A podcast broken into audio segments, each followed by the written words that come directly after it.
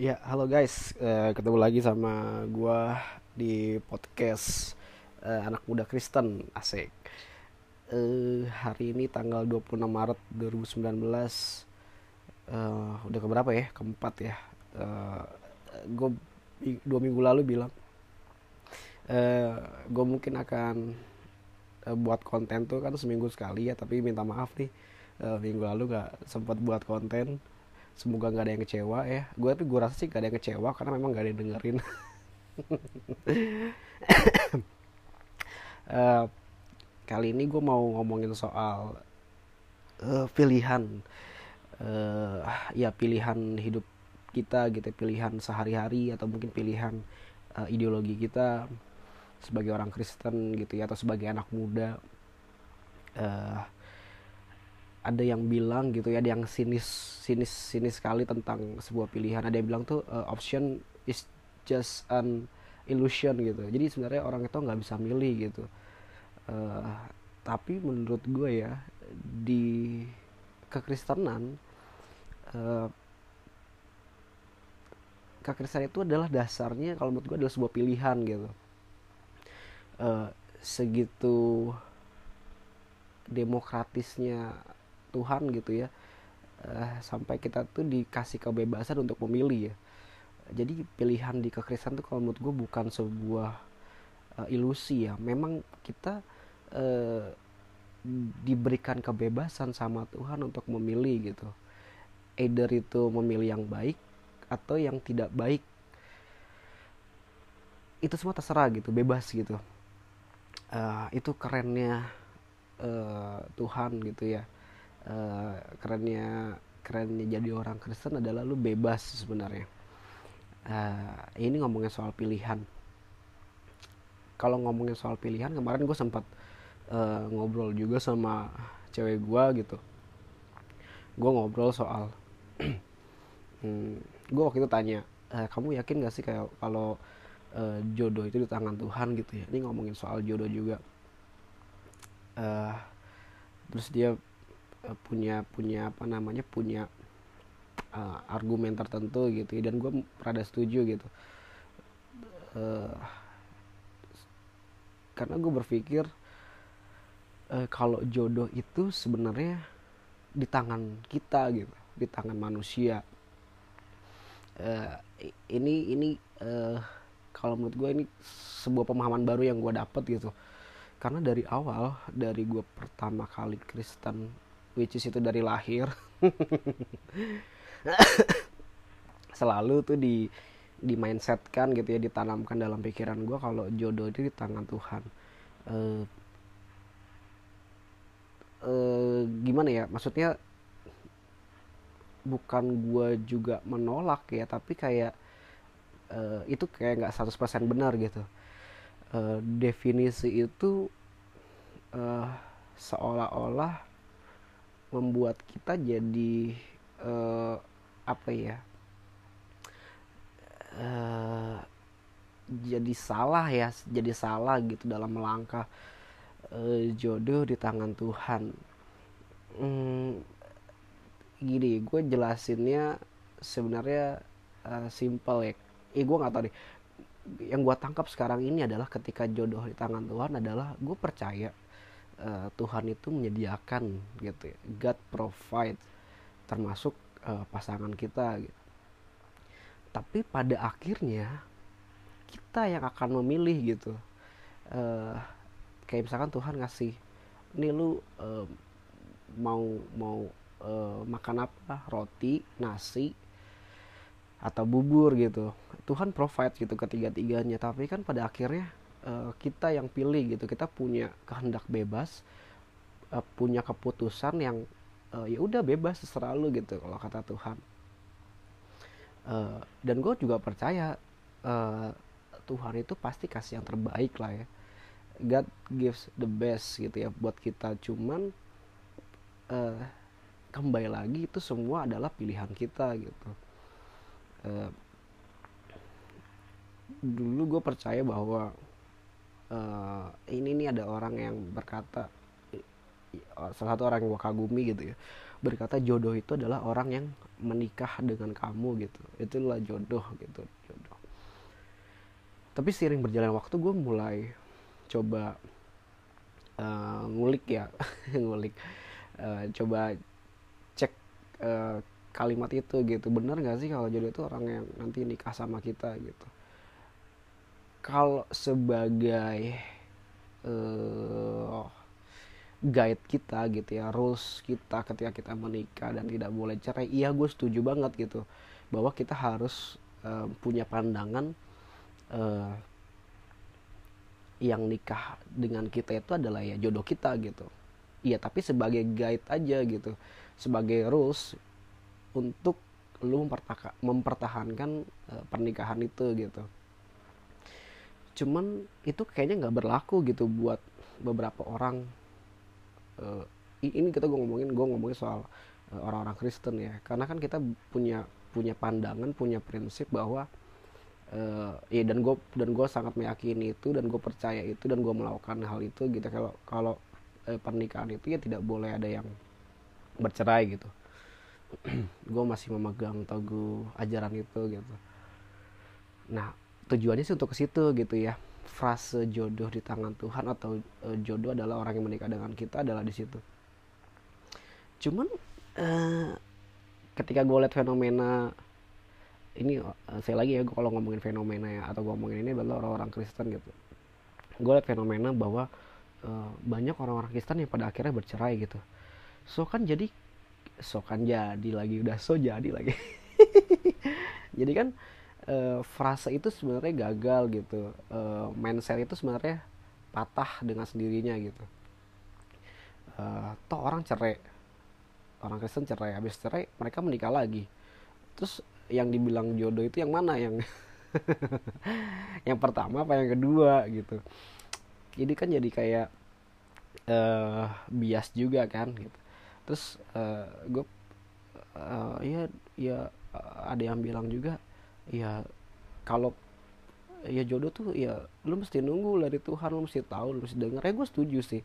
Gue setuju menanti yang terbaik itu ya ya pasti datangnya dari Tuhan lah. Uh, terus akhirnya dia berprinsip kayak gini. Uh, ini gue dulu juga kayak gitu ya. Uh, jodoh di tangan Tuhan. Uh, kalau jodoh di tangan Tuhan artinya orang itu siapa pasangan kita itu yang akan mendekatkan diri kita kepada Tuhan. Gitu. Uh, itulah jodoh di tangan Tuhan gitu. Ya dia berasal dari Tuhan. Kalau dia bisa mendekatkan kita diri kita ke Tuhan. Gue mikir gue dulu ya, dan gue setuju dengan paham itu pada awalnya. Tapi uh, akhirnya gue punya pemikiran yang agak berbeda gitu. Uh, oke okay lah taruh uh, mindset gue seperti itu terus gue menikah dengan orang tanda kutip yang mendekatkan diri gue ke Tuhan. Gue jadi eh, lebih rajin ke gereja misalkan. Gue lebih rajin berdoa baca kita bla bla bla.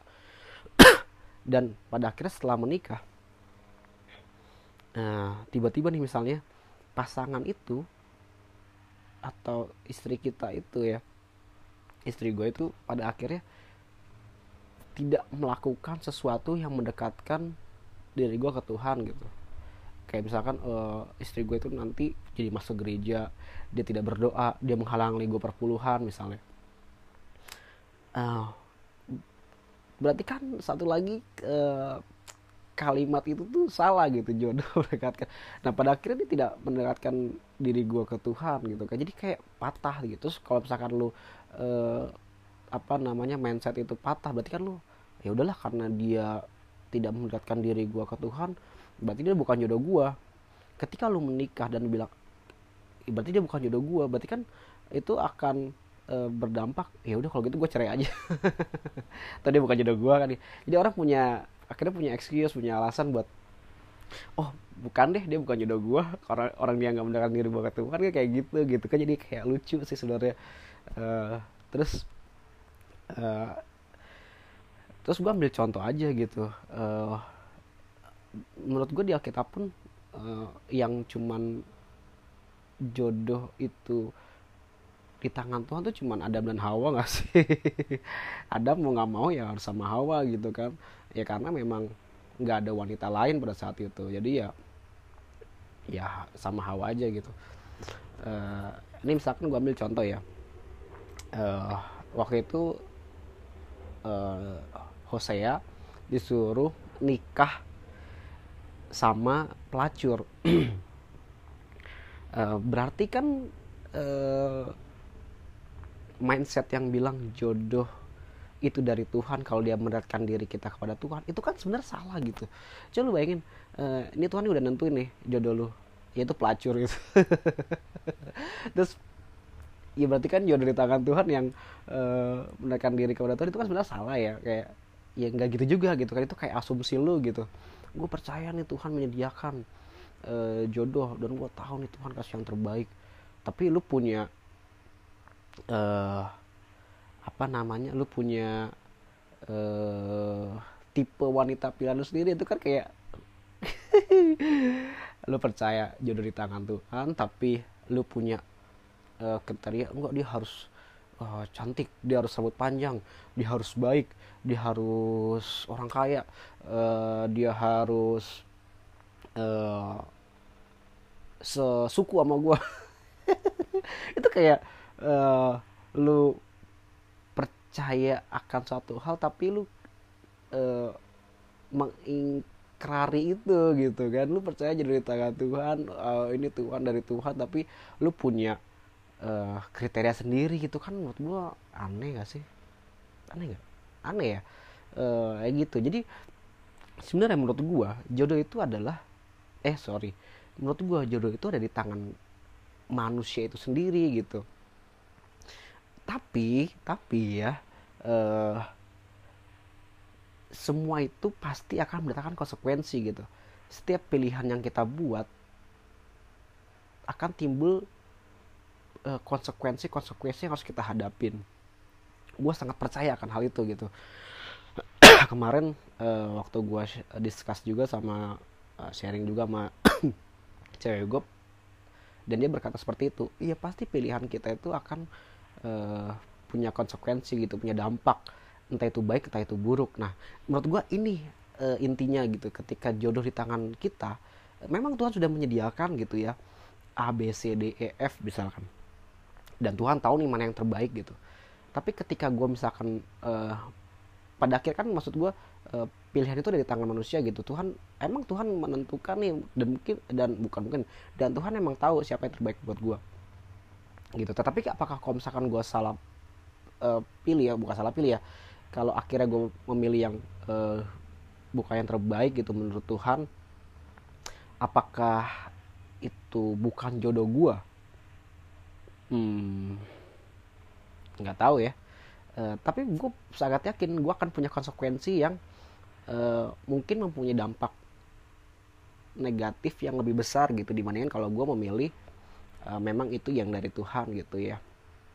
Tapi sekali lagi uh, mindset jodoh di tangan manusia itu lebih kalau menurut gue itu lebih uh, lebih masuk akal gitu ya karena memang itu yang kita lakukan gitu selama ini gitu. Uh, apa namanya? Kita memilih itu biasanya memang apa yang apa yang kita asumsikan baik kan menurut kita gitu. Uh, ya kalau ya contoh lah tadi lah menurut gue kayak yang uh, Jose disuruh disuruh nikah sama pelacur gitu. Kalau kita asumsikan di di saat ini gitu ya kan kayak nggak mungkin itu uh, uh, itu jadi kriteria uh, pasangan yang dari Tuhan gitu ya. Kan nggak kayak gitu gitu. Uh, dan gue sangat percaya kalau Tuhan itu tuh sebenarnya ya Tuhan yang demokratis. Tuhan yang uh, punya uh, hak untuk memberikan kita kebebasan gitu sebebas-bebasnya. Tapi dengan konsekuensi. Tapi dengan konsekuensi gitu. Uh, eh, gue ambil contoh misalnya kayak uh, Adam dan Hawa gitu ya di Taman Eden. Uh, Tuhan nyediain semua semua kebutuhan Adam dan Hawa tuh semua dipenuhin. Tapi kadang lu uh, kalian tuh mikir gak sih kenapa Tuhan harus harus izinkan atau harus ada uh, pohon tentang uh, sorry mohon tentang pengetahuan yang baik uh, yang benar dan yang salah gitu ya. Uh, ya ya karena Tuhan tuh sebenarnya ya uh, kasih lo kebebasan buat milih gitu. Kan kalau misalkan pada awalnya Tuhan nggak ngasih lo kebebasan buat milih ya mendingan Tuhan cabut aja itu pohon ngapain ada di situ? Toh kalau pada akhirnya uh, manusia berdosa kan sebenarnya bukan rencana Tuhan gitu kan. Uh, ya tinggal cabut aja. Nah itu kan berarti menunjukkan bahwa sebenarnya uh, Tuhan itu yang ngasih pilihan gitu ke ke ke manusia gitu secara bebas. Uh, lu makan buah itu ya silakan. Apa ketika uh, Hawa mau mengambil buah itu terus tiba-tiba Tuhan larang di situ? Kan enggak gitu. Uh, bisa aja kan Tuhan pegang tangannya Hawa wis jangan dimakan. Kan gue bilang nggak boleh dimakan. Tapi kan nggak gitu ceritanya ya. Tapi kan ceritanya ah, Hawa tetap makan Adam tetap makan gitu. Nah itu kan berarti menandakan kalau uh, Allah itu se, se sedemokratis itu gitu ke manusia. Tapi permasalahannya adalah uh, setiap pilihan yang diambil sama manusia akan timbul sebuah konsekuensi. Begitu juga dengan jodoh. Nah, satu lagi gue nggak gitu setuju dengan jodoh di tangan Tuhan. Uh, eh, gue ambil contoh misalkan kayak Daud ya. Uh, Daud dengan Bathsheba gitu. Lu kalian tahu kan uh, cerita Daud dengan Bathsheba itu kan dimulai dari perselingkuhan. Uh, sekarang gue tanya deh uh, apakah itu termasuk jodoh gitu? Maksudnya apakah itu sebagai proses jodoh gitu ketika lu selingkuh terus lu akhirnya memperistri dia dengan membunuh suaminya secara tidak langsung gitu ya? Dan apa itu bisa dibilang jodoh gitu? Pasti kan di antara kalian bilang ya enggak lah jodoh mah nggak kayak gitu kali e, jauh dari Tuhan tuh nggak akan kayak gitu nggak akan berdosa segala macam. Tapi lu mesti tahu gitu e, ketika Daud mengambil istri e, Bathsheba gitu ya uh, ini koreksi kalau gue salah ya anaknya yang pertama kan konsekuensinya adalah anaknya mati gitu ya anak dari Bathsheba. Tapi kalian tahu nggak uh, keturunan dari Bathsheba itu uh, keturunan yang uh, dijanjikan oleh Tuhan gitu. uh, Salomo. Salomo tuh dari Bathsheba loh ibunya. Dan yang bikin gue uh, mes gitu ya Yesus itu kan keturunan Daud ya. Tapi lo tau nggak ibunya siapa? Uh, dari istri Daud yang mana? Dari istri Daud si Bathsheba gitu. Wah gue bilang kayak uh, ya Tuhan tuh kayak keren banget gitu ya. Even pada awalnya itu dinilai sebagai sebuah kesalahan gitu ya. Uh, tapi pada akhirnya apakah itu uh, akan mendegradasi atau menghilangkan janji Tuhan bu, uh, kepada Daud untuk untuk dia punya keturunan Mesias? Kan enggak gitu. Ternyata melalui kesalahan Daud itu eh, lahirlah seorang Mesias gitu kan. Tuh kayak ih kayak mind blowing banget itu Tuhan. Tuh kayak gila ya ya ya bebas dong itu kan hak prerogatifnya Tuhan ya. Uh, lu mau protes ya protes ke Tuhan. Apa dari Bathsheba gitu. Ya tapi itulah Tuhan gitu loh. Uh, ya sebebas-bebasnya dia ngerancangin ngerancangin apa gitu kan. Nah itu yang yang sama gitu kan kayak oh ternyata ya Tuhan menyediakan ya apakah Tuhan tidak bisa uh, menggenapi keturunan Mesias dengan istrinya selain Bathsheba ya bisa aja gitu kan ya bisa aja gitu. Ternyata Tuhan sih pasti akan berjalan. Tapi kan uh, ternyata ternyata konsepnya tuh nggak kayak gitu gitu. Uh, dan gue percaya gitu kayak gue sekarang pun nggak gue kan gue mau nikah nih uh, di November nanti gitu ya. Uh, apakah gue tahu uh, calon istri gue yang sekarang adalah yang terbaik buat gue atau sebaliknya apakah calon istri gue tahu uh, gue itu yang terbaik buat dia gitu yang terbaik dari Tuhan gitu ya? Eh, kita sama-sama nggak tahu. Gue dan pacar gue sama-sama nggak tahu gitu ya. Apakah ini yang terbaik dari Tuhan gitu? Nggak tahu. Mungkin aja kita berdua uh, memilih bukan yang terbaik dari Tuhan gitu ya. mungkin loh ya. Tapi apakah itu akan menggagalkan rencana Tuhan dalam kehidupan gue dan calon istri gue enggak sih gue rasa. Ya gue milik kesimpulan kayak Daud aja gitu. Uh, iya harusnya dia berbuat dosa kan. Memilih memilih keputusan yang salah gitu. E, nikah dari selingkuh nikahin e, ngebunuh orang terus akhirnya e, akhirnya nikah gitu ya. Itu kan menurut gue iya lu sendiri kalau pada zaman itu kalau lu zina ya kan sesuai dengan hukum Taurat harusnya Daud tuh mati gitu dilempari batu dirajam tapi yang gue lihat gitu ya dari Daud dia dia tahu gitu kan dia salah terus akhirnya dia ya udah akhirnya dia berbalik bertobat ya udah gitu. Gue pikir Daud tuh salah satu orang di Alkitab yang yang logika gitu ya, ya gue gue rasa sih orang Kristen logika juga nggak nggak salah ya. Uh, eh, salah satu uh, kejadiannya ketika anaknya mau mati itu ya uh, Daud tuh pada waktu itu berpuasa tuh.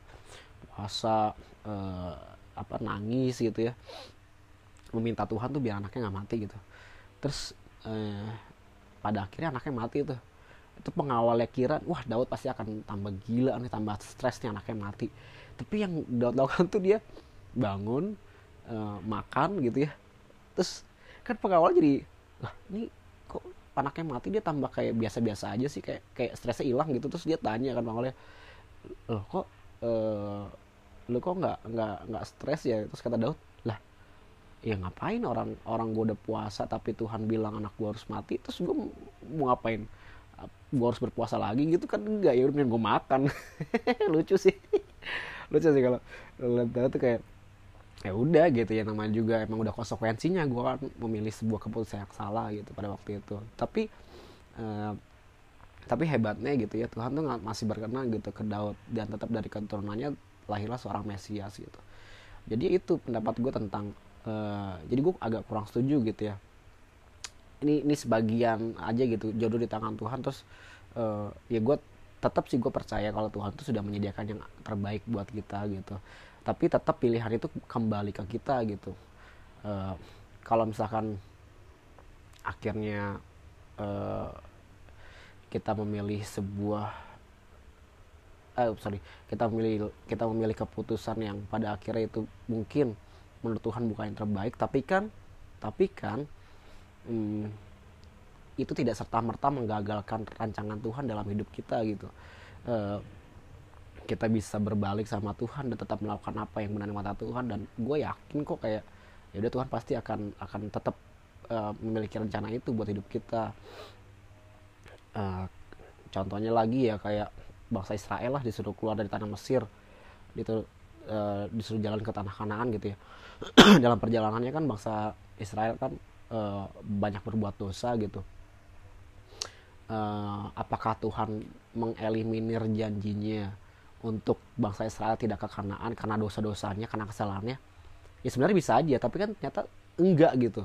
Ternyata oke okay, lu tetap masuk ke tanah Kanaan tapi dengan beberapa syarat ya kan? Lu harus jalan 40 tahun uh, terus angkatan-angkatan uh, yang uh, ya angkatan-angkatan selanjutnya lah yang di bawah 20 tahun kalau nggak salah itu yang boleh masuk uh, sama Yosua dan Kaleb gitu ya. Jadi uh, pada akhirnya lu menanggung konsekuensi itu gitu. Ketika lu memilih pilihan yang salah ya udah lu harus terima konsekuensinya.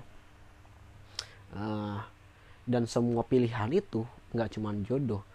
Semua pilihan itu punya konsekuensi uh, dan dan dan dan gua rasa ya eh, apa pun itu gitu. Kayak dan gua rasa lu tidak boleh marah gitu ya dengan keadaan lu yang sekarang atau dengan eh, orang-orang lu yang ada di sekitar lu sekarang gitu. Ka karena karena semua yang terjadi adalah pada intinya terjadi karena keputusan lu. Lu berada saat ini di waktu saat ini semua adalah karena produk pilihan lu gitu. Kayak misalkan uh, contohnya gue ya uh, misalkan gue nih pelayanan gitu ya uh, hari Jumat gue harus datang doa. Uh, dan bukan kebetulan gue juga uh, kerja sampingan sebagai WO gitu ya uh, hari Sabtu. Uh, itu dari pagi lah dari jam setengah empat gue mesti bangun terus ming seharian sampai jam 9 malam. Terus minggunya gue pelayanan. Uh, terus akhirnya gue misalkan uh, gue nggak suka gitu ya karena doa nih kemalaman gitu pulangnya malam. Terus gue jadi kurang tidur kan pada akhirnya terus gue uh, berhak gitu marah-marah uh, ini doa gimana sampai malam-malam? Kan nggak bisa gitu. Itu kan terjadi karena pilihan gue gitu. Uh, gue ya kalau lu memang nggak mau datang doa ya udah lu nggak usah jadi pelayan Tuhan gitu kan. Siapa suruh jadi pelayan Tuhan gak ada yang nyuruh kan? Itu gue sendiri gitu. Terus uh, siapa suruh lu terima wo misalkan di hari Sabtu itu? Itu kan karena pilihan gue gitu. Kenapa gue harus marah gitu sama sama uh, keadaan yang ada saat itu atau orang-orang sekitar gue itu kan aneh gitu. Kayak lu kerja terus lu kesel punya bos yang nggak sesuai sama visi misi lu gitu ya. Lu kesel sama bos lu terus terus masa lu gue rasa lu nggak berhak gitu kesel sama bos lu gitu karena yang buat lu ada di kondisi seperti itu siapa? Bos lu. Kan bukan gitu ya. Itu kan kondisi di mana lu yang mau kerja di tempat itu ya lu harus punya uh, pandangan lu harus punya uh, apa ya uh, uh, visi kalau lu tuh sebenarnya eh lu harus tahu kalau lu punya konsekuensi bos lu nggak sevisi sama lu gitu. Ya kalau misalkan lu nggak sama bos lu ya tinggal resign aja gitu kan. Kan pilihannya tinggal kayak gitu ya nanti gue nggak kerja dong. Ya terserah lu gitu kan. Lu pilih lu mau nggak kerja atau lu mas atau lu mau kerja di tempat yang lu nggak sama bos lu gitu. Itu kan sebenarnya pilihan gitu. Kayak ya sudah so simple gitu kan. Uh, apa namanya? Ya itu tadi kayak ya memang pilihan itu ada uh, karena karena kita yang memilih gitu. Uh, jadi jadi uh, menurut gue uh, ya orang Kristen itu uh, adalah uh, Tuhan kita itu ya adalah Tuhan yang paling demokratis yang pernah gue tahu gitu yang pernah gue kenal. Jadi kayak uh, ya udah loh akhirnya mau ikut Tuhan apa enggak ya terserah gitu kan. Uh, tapi semua itu kan ada konsekuensinya gitu. Kalau lu nggak ikut Tuhan dalam hidup ini gitu ya ya lu tau konsekuensinya lah lu akan ke mana nanti setelah lu mati gitu kan. Itu kan salah satu konsekuensi kan. Uh, kalau lu mau ikut Tuhan ya lu juga tahu konsekuensinya nanti apa gitu. Jadi ya uh, menurut gua orang Kristen itu memang hidupnya ditentukan oleh pilihan diri sendiri gitu. Bisa aja pada waktu itu Hawa memilih untuk tidak makan buah itu gitu kan. Itu kan sebuah pilihan juga. Uh, banyak lah ya pilihan-pilihan yang yang yang yang ada di Alkitab dan itu memang dipilih secara sadar gitu ya. Uh, apa namanya? Even misalkan Tuhan nyuruh uh, Hosea gitu ya buat nikah sama pelacur terus bisa nggak si Hosea bilang enggak ya bisa aja gitu. Oh gue nggak mau lah gue nikah sama pelacur emang gue apa gitu kan. Tapi kan pasti akan ada konsekuensinya gitu ketika ketika Hosea tidak menuruti menuruti apa yang Tuhan uh, suruh gitu kan. Uh, Tuhan kan nggak pernah maksa gitu. Kalau lo nggak mau ya udah gitu. Tapi lo punya konsekuensi lah. Uh, ya sama kayak Salomo aja. Pada awalnya jadi raja kan. Uh, kalau kalau lu lihat ya Tuhan bilang kalau lu tetap hidup benar dalam Tuhan gitu ya kata Tuhan ke Salomo uh, gue akan kasih umur panjang bla bla bla segala macam gitu. Kalau lu tetap setia sama Tuhan. Pada akhirnya kan Salomo pada akhirnya hidupnya tidak tidak memilih untuk setia sama Tuhan kan. Ya udah itu timbul konsekuensi gitu kan. Jadi uh, itu sebuah pilihan. Terus uh, satu lagi tentang berhubungan juga dengan tentang pilihan ya yaitu uh, soal baptis gitu ya. Uh, kadang kita bisa memilih tuh atau mengambil keputusan itu di saat kita udah dewasa gitu. Cuman ini gue jadi punya uh, standar ganda gitu ya di dalam uh, organisasi kekristenan gue jadi kan di baptis itu kalau kalau di organisasi gue tuh boleh minimal tuh umur 12 tahun. Ya kan?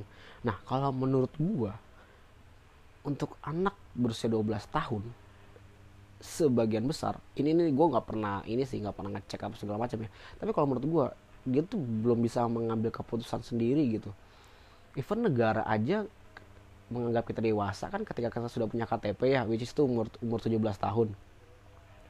Nah negara menganggap kita umur 17 tahun tapi tapi uh, organisasi gue uh, berkata ya 12 tahun lu boleh boleh uh, ngambil keputusan buat dibaptis gitu kayak sebenarnya jadi kayak fenomena yang uh, yang akhirnya kayak tidak merasakan esensi baptisan itu seperti apa gitu. Gue termasuk korbannya gitu kayak umur 12 gue disuruh baptis gitu ya dan gue nggak tahu inti baptis itu seperti apa gitu. Dan itu tidak keluar dari keinginan pribadi gue gitu. Gue gue gue sangat uh, uh, apa ya salut gitu ya sama orang-orang yang inget tanggal baptis ya uh, terus uh, benar-benar baptis itu jadi sebuah sakramen yang uh, apa ya sakramen yang penting banget dalam hidup mereka gitu ya. Gue senang banget gitu. Dan gue lihat ternyata mereka dibaptis umurnya ya di atas 17 tahun gitu. Jadi mereka bisa ingat dan mereka bisa merasakan esensi baptis itu seperti apa. Nah gue tuh nggak kayak gitu. Dan sebagian teman-teman gue yang gue tanya di baptis umur 12 juga nggak tahu esensi baptis itu pada jadi gue tidak merasakan yang namanya cinta mula-mula pada umur 12 itu pada waktu dibaptis gitu. Nggak merasakan sama sekali. Dan menurut gue gue nggak tahu ya.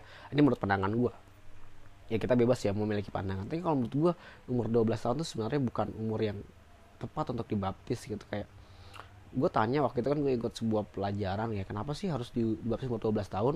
Terus jawaban dari gurunya tuh sebenarnya gini ya kita ngikutin teladan Yesus saja. Jadi bawa ke bait Allah tuh umur 12 terus gue mikir ya kan pas umur 12 uh, eh, Tuhan Yesus dibawa ke bait Allah bukan buat dibaptis gitu kan. Jadi kayak gimana sih? Kayak menurut gue tuh kalau kalau kita mau ikutin teladan Tuhan Yesus kan dia dibaptis umur berapa sih? Uh, dibaptis ya gue nggak tahu yang umur berapa mungkin umur 30 gitu. Karena habis dia dibaptis dia melakukan pelayanan kan ya mungkin aja umur 30 gitu kan. Ketika dia sudah benar-benar dewasa gitu. Nah kenapa kita dibaptis umur 12 kalau lu mau ikutin teladan Tuhan Yesus ya ya dibaptis lah umur-umur segitu gitu kan. Terus eh, standar gandanya lagi adalah gue nggak tahu ya e, menurut kalian tuh sakramen baptis sama sak sakramen pernikahan e, itu pentingan mana sih? Kalau menurut gue dua-duanya kan sama-sama penting ya. Lu nikah penting e, sakramen pernikahan itu penting dan sakramen baptis itu juga mungkin nilainya lebih penting gitu kan. Karena ini sebagai simbol lu sebagai simbol tanda lu percaya sama Tuhan gitu kan. Tapi kenapa lu boleh dibaptis umur 12 tapi lu coba tanya deh lu boleh nikah gak umur 12 gitu? Itu kan iya terus kayak misalkan lu umur 12 ya gue udah dibaptis nih terus umur 12 gue mau nikah nih ayo dong uh, berkati gue lu kan masih bocah lah. Jadi jadi kayak standarnya ganda gitu. Lu boleh menikah ketika lu dewasa. Dan dewasa ketika menikah ya ya paling nggak umur 17 20 gitu ya. Tapi dibaptis uh, yang punya esensi sebegitu besar lu boleh dibaptis umur 12 which is lu nggak punya keputusan dasar dari keputusan lu tuh nggak ada gitu. Itu itu itu aneh sih sebenarnya. Ya udahlah. Tapi itu ya itulah jadi pilihan yang lu buat uh, bukan berdasarkan apa yang lu tahu akhirnya gitu. jadi itu tidak tidak tidak berdampak apa-apa. Jadi menurut gua mungkin ya mungkin ya, ya bisa dirubah gitu aturannya. Ya gua nggak bilang sih umur eh, rata-rata uh, orang umur 12 tuh nggak ngerti. Ya bisa aja gitu umur 12 mereka sudah belum merasakan gitu. Dia ya that's okay gitu. Saya maksud gue harus harus punya uh, harus bisa apa ya me, mengeliminir atau mengeliminasi eh, batas-batas itu. Ketika lu umur 12 lu boleh ngambil keputusan buat dibaptis harusnya kan umur 12 juga lu boleh mengambil keputusan buat menikah gitu. Ya kan kalau lu sudah dianggap dewasa ya enggak ya uh, itu aja sih tentang tentang uh, salah satu keresahan gue ya.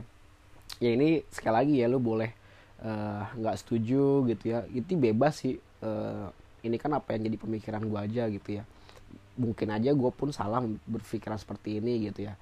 Uh, that's nggak apa-apa gitu no problem. Uh, kalau uh, kalian punya um, inputan gitu ya kalau kalian punya saran atau uh, uh, punya pandangan sendiri gitu ya lu boleh uh, share ke gue gitu nanti coba kita kita bahas gitu ya.